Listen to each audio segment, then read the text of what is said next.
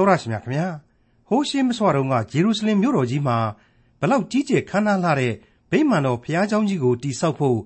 ထာဝရရှင်မြတ်စွာဘုရားသခင်ဟာဘယ်လိုပြတဲ့ယူပါယုံပေးတော်မူခဲ့တယ်လဲဆိုတာကိုတွေ့ရမှာဖြစ်တဲ့ခရိယန်တမန်ကျမ်းရဲ့ဓမ္မဟောင်းကျမ်းပိုင်းတွေကယေဇကြည်လအနာဂတ်ကျမ်းအခန်းကြီး40အခန်းကြီး41နဲ့အခန်းကြီး42တို့ကိုဒီကနေ့တင်ပြရသောတမန်ကျမ်းအစီအစဉ်မှာလေ့လာမှာဖြစ်ပါတယ်။ဗိမာန်တော်ဘုရားကျောင်းဆိုပြီး ဆောက်လုပ်ကြပြီမဲ့ထာဝရရှင်မြတ်စွာဘုရားသခင်တကယ်ပဲကျင်းဝတ်ရာဗိမာန်တော်ဖြစ်ပါရဲ့လား။ဘုရားကျောင်းဗိမာန်တော်ပြည်သားပါရဲ့လား။ဘုရားကျောင်းဗိမာန်တော်ရဲ့လို့သမုတ်ထားပြီမဲ့ဘုရားရှင်ကျင်းဝတ်တော်မူခြင်းမရှိတဲ့အစာအုပ်ကြီးတစ်ခုဟာအင်မတန်မှနှုံချလှတဲ့တဲအူကြီးတစ်လုံးချကိုက်ချင်စရာတစ်တာကြီးတစ်လုံးထက်ဘာမှပိုပြီးတန်ဖိုးမရှိနိုင်ဘူးဆိုတဲ့အကြောင်းနဲ့အတူယေဇကျေလအနာဂတ်ကျမ်းအခန်းကြီး40အခန်းကြီး41နဲ့ အခန်းကြီး42တို့ကိုဒေါက်တာထွန်းမြတ်အေးကအခုလိုလေ့လာသုံးသပ်တင်ပြထားပါတယ်။လေးစားအပ်ပါသောမိတ်ဆွေတော်တတ်ရှင်အပေါင်းတို့ကျွန်တော်ရဲ့ယေဇကျေလသင်ခန်းစာအပေါင်းတို့ဟာဒီကနေ့ဆိုရင်အခန်းကြီး40ကိုဥတိုက်လာနေပါပြီ။ဒီအခန်းကြီး40ကနေစပြီးတော့ဏိဂုံးအထိဆိုရင်တော့နောက်ထပ်ကြမ်းကြီး၈ကြမ်းကိုလေ့လာဖို့ကြံနေပါတယ်။ယေဇကျေလဆိုတာဟာ48ကျမ်းရှိတဲ့အနာဂတ်ကျမ်းကြီးဆိုတော့နောက်ထပ် ဒီကျမ်းအပါအဝင်ဆိုရင်တော့9ကျမ်းပေါ့နောက်ထပ်10ကျမ်းကြံနေသေးတဲ့သဘောပေါ့ဒါပေမဲ့ဒီကျမ်းဘောင်းစုံတို့ကိုလေကျွန်တော်တို့ဟာ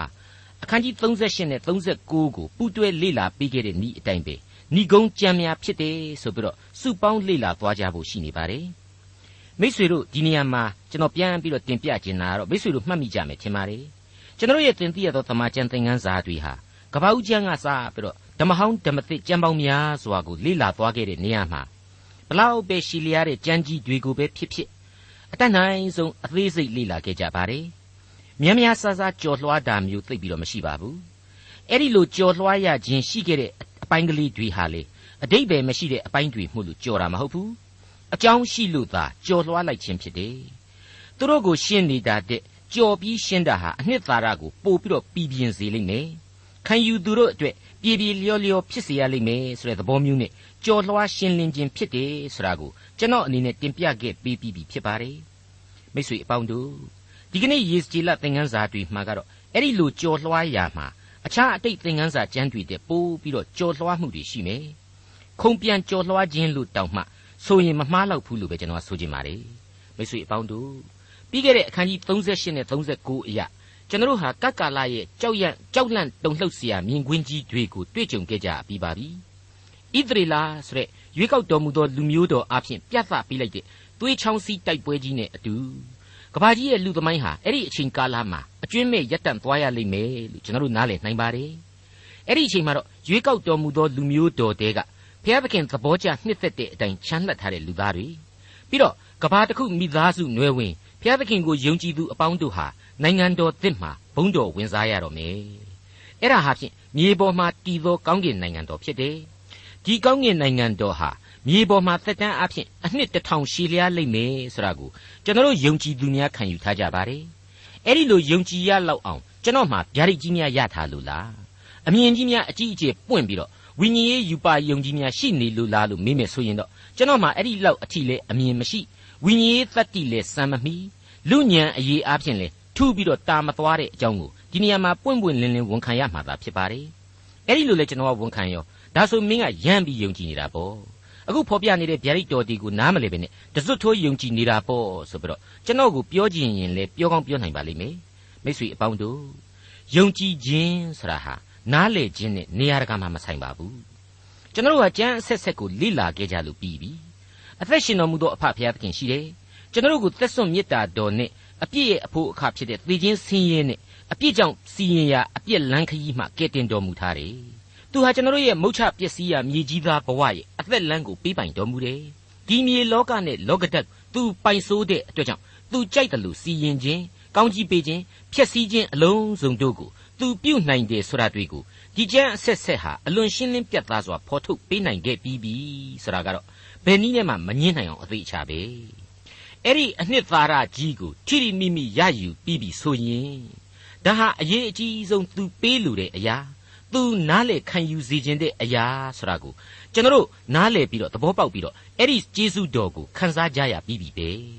အဲ့ဒီထဲမှာမှသိပ်ပြီးတော့နည်းနည်းတဲ့အရာလျှို့ဝှက်တဲ့အရာတွေမရှိဘူးလားလို့မေးလိုက်ရင်လည်းရှိပါလေ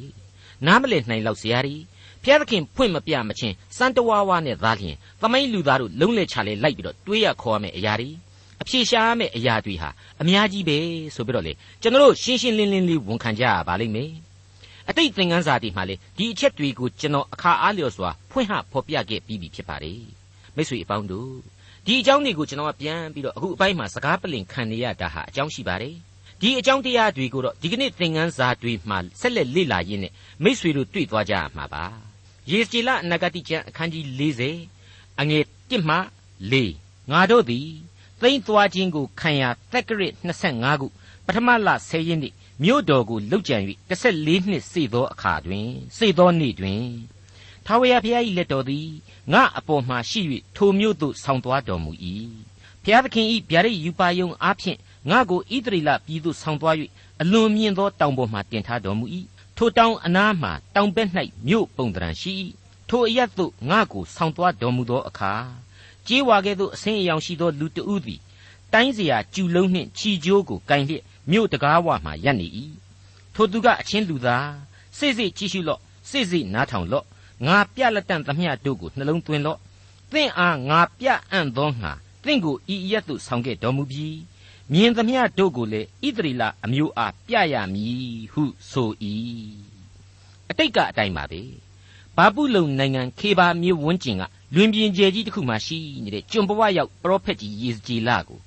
ဖျားသခင်ကယေရုရှလင်မြို့တော်ကြီးကိုဆက်လက်ပြီးတော့ပို့ဆောင်ပေးတော်မူပြန်တယ်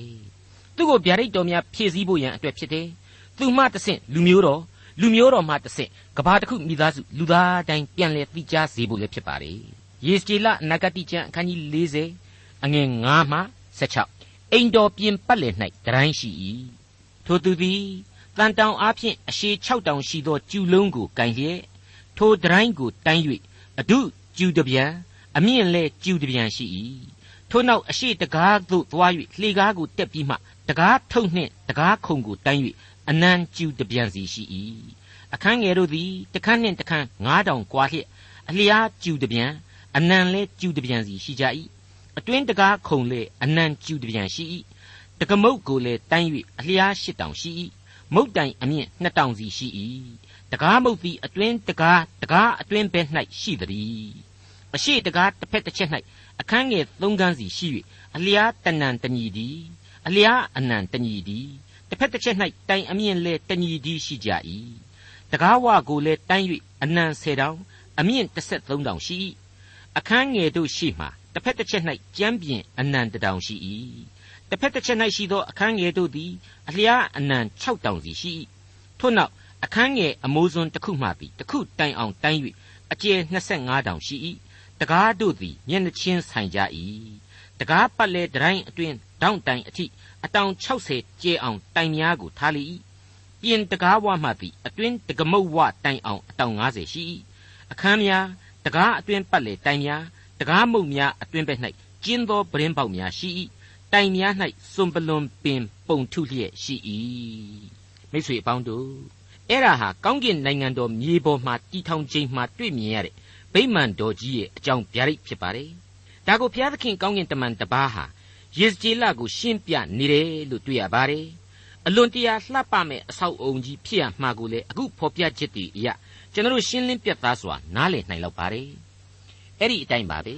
ခရစ်တော်ရဲ့နိုင်ငံတော်သစ်မှာဗိမာန်တော်သစ်ကြီးဟာဘလောက်အထိထဲထဲဝါဝါရှိလိမ့်မယ်ဆိုတဲ့အချက်ကိုဇက်တိုက်ဖော်ပြပေးသွားရင်းနဲ့တအံ့တော်ဆက်ပြီးတွေ့ရတာကတော့အငယ်36ကနေ 43အတွင်းကအချက်တွေဖြစ်ပါတယ်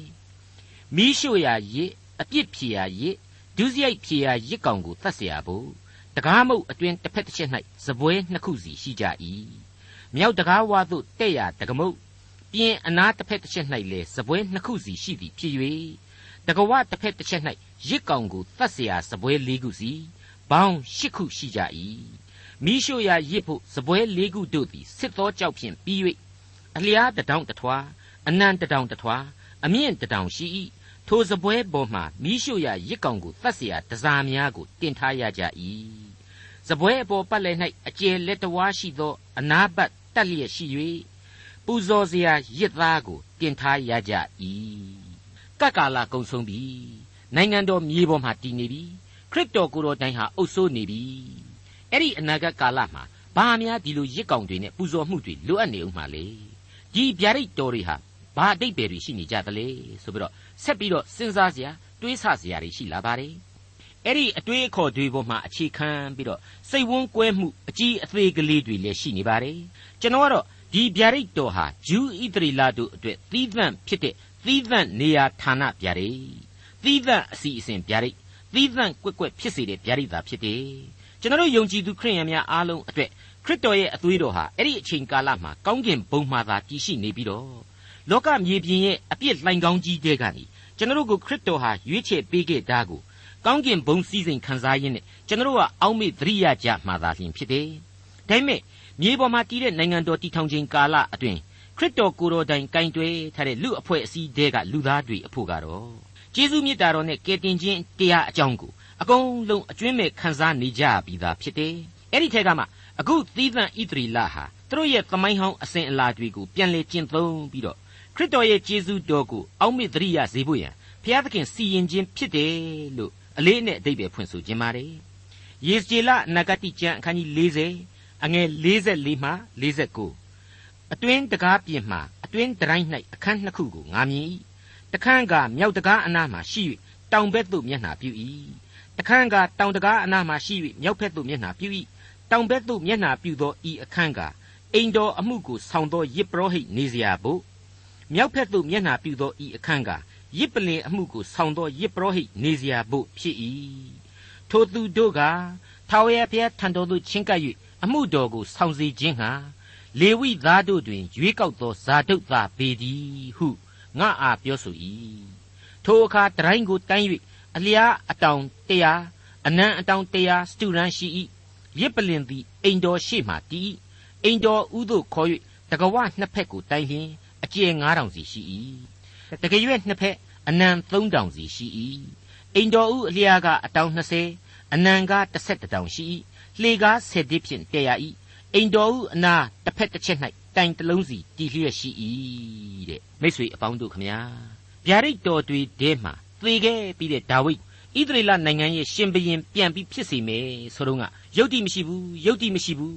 မဖြစ်နိုင်ဘူးမဖြစ်နိုင်ဘူးဆိုတာမျိုးပြောစရာရှိတာကိုကျွန်တော်တင်ပြခဲ့ပါသေးတယ်ဒါဝိဒ်ကိုကိုစားပြုတဲ့ဘုရားသခင်ဤလူသားကိုတကယ်တော့ဘုရားသခင်ဟာဖော်ထုတ်ပေးနိုင်တာပဲအမျိုးအမျိုးသောအတိတ်ပဲတွေရှိလိမ့်မယ်ဆိုတာကိုလေကျွန်တော်အနေနဲ့ဒီအပိုင်းนี้မှာဖော်ပြခဲ့ပြီးပြီဖြစ်ပါတယ်အခုချိန်ကြပြန်တော့လေဝိသားတဲ့ကမှဇာဒုတ်သားများတဲ့ဘလောက်အံ့ဩဖို့ကောင်းတယ်လေအဲ့ဒီကောင်းကင်နိုင်ငံတော်မြေပေါ်မှာတင်ချိန်မှာ အဲ့ဒီလေဝိသားဇာလေဝိဤသားတို့တွင်ရွေးကောက်သောဇာဒုတ်သားဘေဒီတဲ့အဲ့ဒီယေဘရဟိအမှုကိုထမ်းဆောင်ရမယ့်လူတွေကိုဘုရားသခင်ပြန်ပြီးတော့ဖော်ထုတ်ပေးလိမ့်မယ်တဲ့မိတ်ဆွေအပေါင်းတို့ဘလောက်အံ့ဩဖို့ကောင်းတယ်လေဒါဝိဒ်ခင်နဲ့ပဲနော်နှစ်ပေါင်း300လောက်ကြာသွားပြီကွာသွားပြီအခုယေစီလစာရေးနေတဲ့အချိန်ကိုပြောတာပါဒါဝိဒ်ကိုပြန်လဲဖော်ပြတယ်ဇာဒုတ်ဆိုတာကလေအခုပြန်ပြီးတော့အသက်ဝင်လာပြန်တယ် ဇာဒုတ်ဘသူလဲဆိုတာကိုဓမ္မရာဇဝင်ဒုတိယစာဆောင်အခန်းကြီး8အငယ်15ကနေ18အရာပြန်ပြီးတော့ကြည်ပါဒါဝိဒ်ခေရဲ့ယစ်ပရောဟိတ်ဖြစ်နေတာကိုပြန်ပြီးတော့တွေ့ရပြီးတော့သူ့ရဲ့သားတွေကတော့အဟိမတ်နဲ့အာဇရီဆိုတဲ့ပုံကိုယ်တွေဖြစ်တယ်ဆိုတာကိုအဲ့ဒီဓမ္မရာဇဝင်ဒုတိယစာဆောင်နဲ့တတိယစာဆောင်တွေမှာဆက်ပြီးတော့ကျွန်တော်တို့အံ့ဩဖွယ်ကောင်းလောက်အောင်တွေ့လာရလိမ့်မယ်ဒီတော့အခုအနာဂတ်တွေတဲကနိုင်ငံတော်သစ်မှာဗိမာန်တော်သစ်အတွက် ဇာတုဤသားများကိုထပ်မံအသုံးပြုမယ်ဆရာဟာကောင်းကင်နိုင်ငံတော်မြေပေါ်မှာတည်ထောင်ခြင်းမှာဒါဝိဒ်ဆက်လက်အုပ်ချုပ်ရမယ်ဆိုတာနဲ့အလိုအလျောက်ဆက်ဆက်လိုက်မယ်ဆိုရင်သိအတိတ်ပဲရှိနေပြီဆိုတာဟာရှင်းရှင်းလေးအတိတ်ပဲပေါ်နေပြီမဟုတ်ဘူးလားမိတ်ဆွေအပေါင်းတို့ဗိမာန်တော်ဤအစဒါဝိဒ်ကဆိုတာကိုကျွန်တော်ဟာသမိုင်းထင်ရှားစွာတွေ့ခဲ့ရပြီးပြီဖြစ်ပါတယ်ဆောက်သူကတော့ရှောလမုန်အမှန်ဒါပေမဲ့စတင်ပြီးတော့ဒီဗိမာန်တော်ကြီးကိုအခြေတည်ခဲ့တာဟာဒါဝိဒ်မင်းကြီးပဲအဲ့ဒီဗိမာန်တော်ကြီးဟာလေ သမိုင်းတစ်လျှောက်မှာအကျဉ်းချင်းပြိုကျပြီးတော့အကျဉ်းချင်းပြန်ပြီးဆောက်ခဲ့ရတာအမှန်ပဲဖြစ်တယ်အဲ့ဒီအကျဉ်းချင်းတိဆောက်တဲ့သမိုင်းကလူတွေနဲ့သမိုင်းဖြစ်စဉ်တွေကြားထဲမှာဆိုရင်အိဇရာနဲ့နေဟမိတို့ကလွဲလို့ဘသူကိုမှသမိုင်းဟာဂယုမဆိုင်ခဲ့ဘူးဒါဟာဘုရားသခင်ကပယ်ချပစ်ခဲ့လို့သမိုင်းကဂယုမဆိုင်နိုင်တာပဲပေါ့ဟုတ်ပါတယ်ပထမဦးဆုံးတိဆောက်သူဒါဝိဒ်နဲ့ဒါဝိဒ်ခေယေပရောဟိတ်တို့ကိုသာလျှင်ဘုရားသခင်အသိအမှတ်ပြုတယ်ဆိုတာရှင်းနေပြီမဟုတ်ဘူးလား သူ့ရဲ့နိုင်ငံတော်သစ်နဲ့ဗိမာန်တော်သစ်တိဆောက်မယ်ဆိုတာဟာလေအသေးစိတ်သာမသိရင်နေရမယ်အံ့ဩလို့မကုန်နိုင်လောက်အောင်အဆက်အဆက်ရှိနေပြီပထမဦးဆုံးစတင်တဲ့ဗိမာန်တော်ခေတ်ကဒါဝိဒ်နဲ့ယစ်ပရောဟိတ်မင်းတွေဟာဘုရားသခင်အဖို့အဓိကကြနေပြီဆိုတာရှင်းနေပြီမဟုတ်ဘူးလားအဲ့ဒီအခြေခံအကြောင်းတရားတွေကိုဂဂနနစဉ်းစားလိုက်မယ်ဆိုရင်အခုအနာဂတ်ဖော်ပြချက်တွေဟာအလိုလိုရုပ်လုံးပေါ်လာနိုင်တယ်မိษွေတို့အနေနဲ့ဆူတောင်းပြီးတော့အဖြေရှာကြည့်ဖို့လိုတယ်လို့ကျွန်တော်တိုက်တွန်းအားပေးခြင်းပါတယ် အခုချိန်မှာတော့ယေစီလအနာဂတ်ကျမ်းအခန်းကြီး41ကိုဆက်လက်တင်ပြခြင်းပါတယ်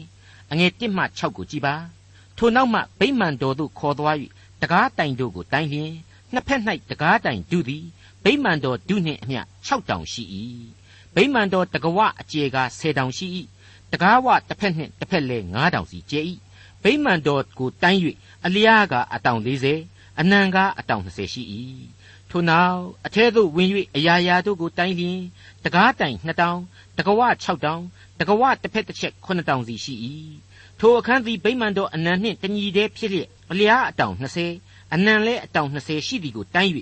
ဤအခန်းကအလွန်တန့်ရှင်းရာဌာနဖြစ်သည်ဟုငါအားပြောဆို၏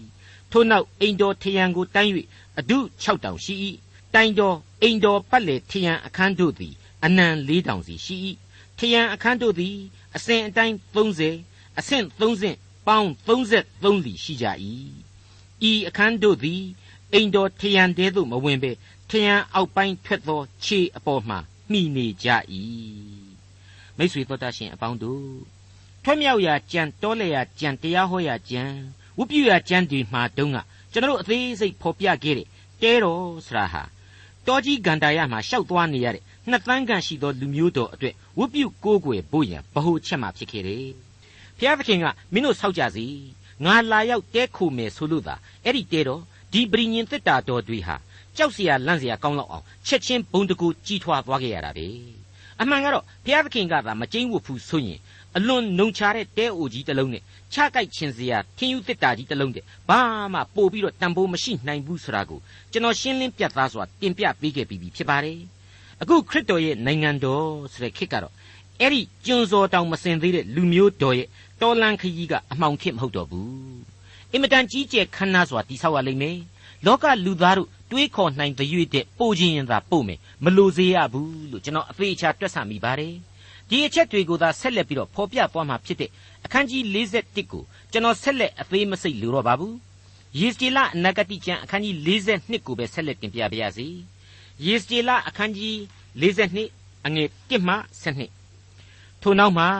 မြောက်လန်းဖြင့်ပြင်တိုင်းတဲသို့ခေါ်သွား၍အိမ်တော်မြောက်ဖက်လွတ်လပ်သောအရှိယံအရရှိမှရှိသောအခန်းများကိုပြလေ၏ထိုအခန်းတို့သည်မြောက်တကားအထိအလျားအတောင်တရာ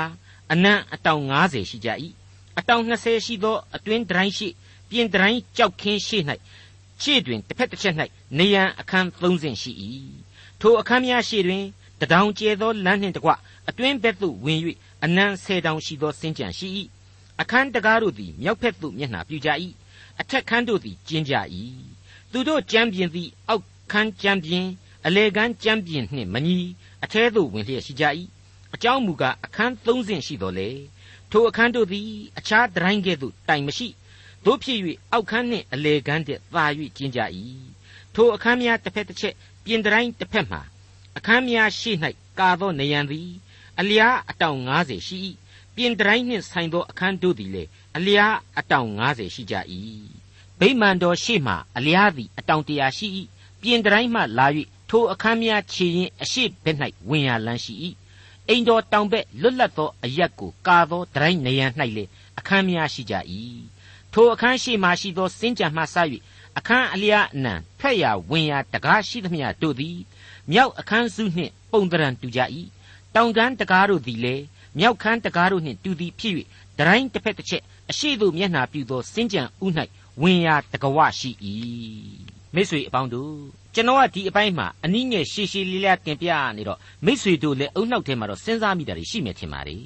အခုလိုဒီစာတွေကိုရေးပြီးတော့မှတ်တမ်းပြုနေတဲ့ရေစည်လကြီးရဲ့ဒုက္ခတွေနဲ့ပတ်သက်လို့ပြောတာပါဟုတ်ပါတယ်ရေစည်လရဲ့ဘဝအသက်တာတစ်လျှောက်လုံးမှာ ဘုရားသခင်ရဲ့အမှုတော်နဲ့ပတ်သက်လို့ဒုက္ခအမျိုးမျိုးခံပြီးတော့ထမ်းဆောင်ခဲ့ရပြီဖြစ်တယ်နော်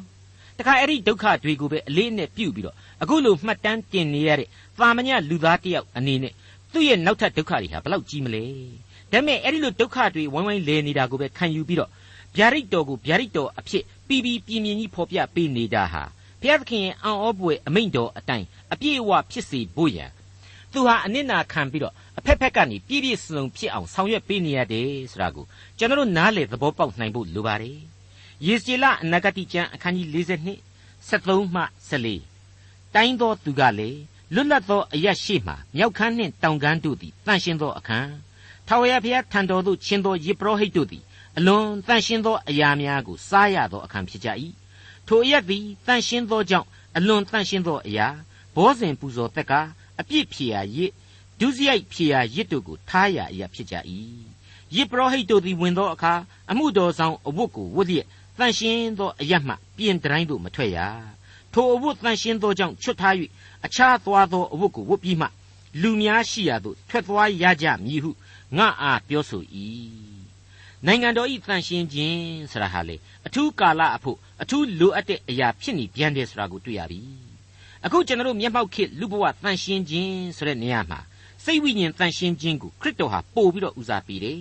အဲ့ဒီကကာလကုံဆုံးခြင်းနိုင်ငံတော်တည်ဆောင်ခြင်းတည်ထောင်ခြင်းအချိန်ကာလမှာကြာရင်တော့ဝိညာဉ်တော်ဖျားကိုယ်တော်တိုင်ဟာမင်းအဖြစ်ကြွလာတော်မူပြီးဖြစ်လို့အထူးတန်ရှင်းခြင်းရှိကိုရှိဖို့လိုလိမ့်မယ်မိတ်ဆွေအပေါင်းတို့ဘာပဲပြောပြောဒီဗျာဒိတ်တော်ကာလအညွှန်းဟာလက်တွေ့မကျဘူးလားလေ့ကျင့်ပြိုးထောင်သင့်မပြုတ်တိုက်ဘူးလားလို့ကျွန်တော်ကစဉ်းစားပါတယ်ဒီဗျာဒိတ်တော်ကဖော်ပြထားတဲ့ညွှန်ကြားချက်တွေနဲ့ပတ်သက်လို့ပြောတာပါ ဒီလက်မကသောဝိညာဉ်သဘောတရားအပိုင်းတွေကိုလေရေကြည်လာမှတဆင့်ဘုရားသခင်သိစေခြင်းတယ်လို့လည်းကျွန်တော်တွက်ဆမိပါတယ်။တန်ရှင်းသောအရာများကိုသာစားရမည်ဆိုတဲ့အချက်ကိုအရင်တွေးမိပါတယ်။ပြီးတော့မှအမှုတော်ဆောင်အဝတ်ကိုဝတ်လျက်တန်ရှင်းသောအရက်မှပြင်တိုင်းအတွင်းသို့မထွက်ရတဲ့။တခါနောက်တစ်ဆင့်ဆက်ပြီးဖော်ပြပေးလိုက်ပြန်တာကတော့ထိုအဝတ်တန်ရှင်းသောကြောင့်ချွတ်ထား၍အခြားသောအဝတ်ကိုဝတ်ပြီးမှလူများရှိရာသို့သွားရကြမည်တဲ့။ ကျမ်းစကားအရာကတော့ထိုအဝတ်တန်ရှင်းသောကြောင့်ချွတ်ထား၍အခြားသောအဝတ်ကိုဝတ်ပြီးမှလူများရှိရာသို့ထွက်သွားရကြမည်ဆိုတဲ့အချက်ပါမိတ်ဆွေအပေါင်းတို့ဖျားသခင်ရှိရာအရက်ကိုဝင်ထွက်သွားလာရခြင်းဟာဘလောက်အထိအရေးကြီးသလဲအကျွင့်မဲ့ပြည့်စုံပါတယ်ဆိုတဲ့ကောင်းကင်နိုင်ငံတော်ရဲ့အချိန်ကာလမြင်ကွင်းတွင်ကိုမြင်ကွင်းအကြောင်းတွေကိုစဉ်းစားလိုက်ယုံနဲ့တောက်မှဝိညာဉ်ခွန်အားကိုအပြည့်အဝခံယူရရှိနိုင်လာတယ်လို့ကျွန်တော်ဆိုချင်ပါတယ်မိတ်ဆွေအပေါင်းတို့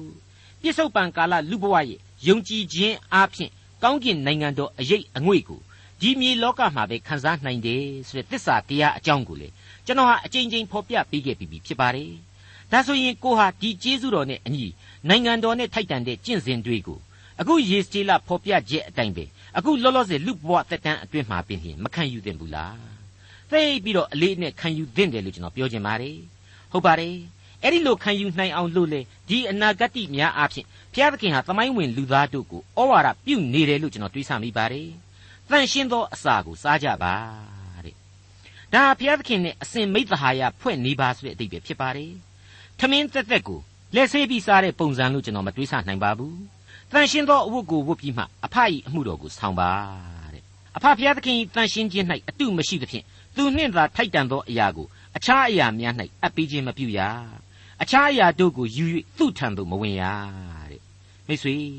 ဒီအပိုင်းမှာအလွန်တန့်ရှင်းပါတယ်သိပ်ပံနိကြခွဲရစိတ်ရပါတယ်ဒါကြောင့်ပိုးမွားကင်းစင်ဖို့လိုပါတယ်ဆိုတဲ့ခွဲစိတ်ခံများအကြောင်းကိုကျွန်တော်သွားပြီးစဉ်းစားမိပါတယ်ဒီအခန်းတွေအတွက်တောင်းမှတန့်ရှင်းခြင်းအတွက်သီးသန့်စည်းကမ်းတွေရှိနေသေးတယ်ဆိုရင်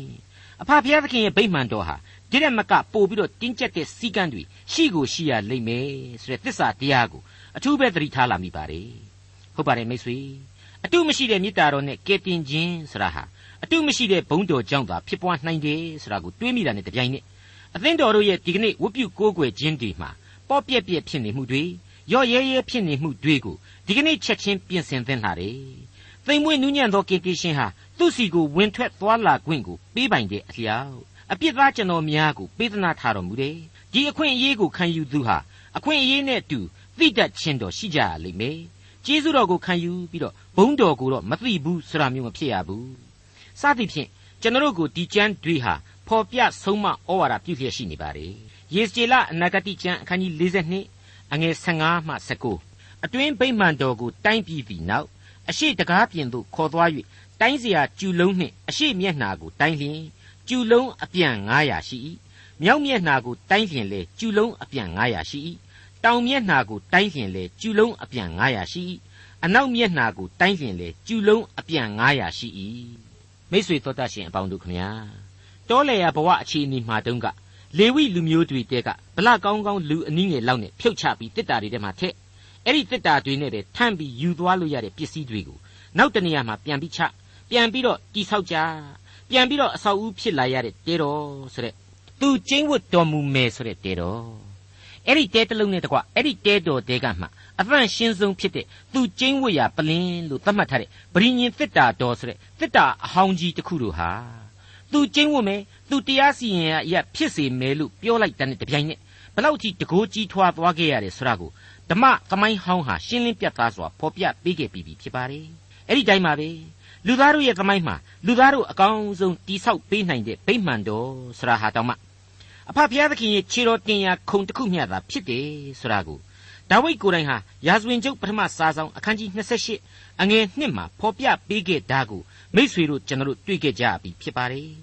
သူကျင်းဝတ်မယ်ဆိုရင်သာကြီးမြတ်ခွင့်ရရှိတဲ့ဒီသက်မဲ့အဆောက်အုံတို့တဲ့သူ့ကိုစိတ်ဝိညာဉ်နဲ့သာကိုးကွယ်ဖို့သာအဓိကဖြစ်တယ်ဆိုတာကိုလေခရစ်တော်ဟာရှင်ယောဟန်ခရစ်ဝင်ကျမ်းအခန်းကြီး၄အငယ်23အရာကိုတော်တိုင်ဖော်ပြပေးခဲ့ပြီးဖြစ်ပါတယ် အဲ့ဒီမှန်ကန်သောသစ္စာတရားအသီးအသီးတို့ဟာအခုယေစကြည်လဖော်ပြပေးတဲ့နောက်ဆုံးသောကပ်ကာလနဲ့ကောင်းကင်နိုင်ငံတော်ကိုမျှော်မှန်းနိုင်ယုံမျှသာရှိတဲ့ကျွန်တော်များလူသက်တော်အပေါင်းတို့အတွေ့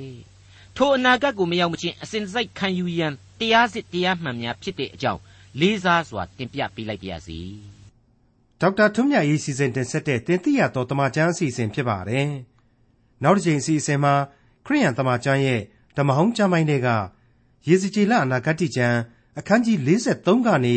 အခန်းကြီး48အထိကိုလေ့လာမှာဖြစ်တဲ့အတွက်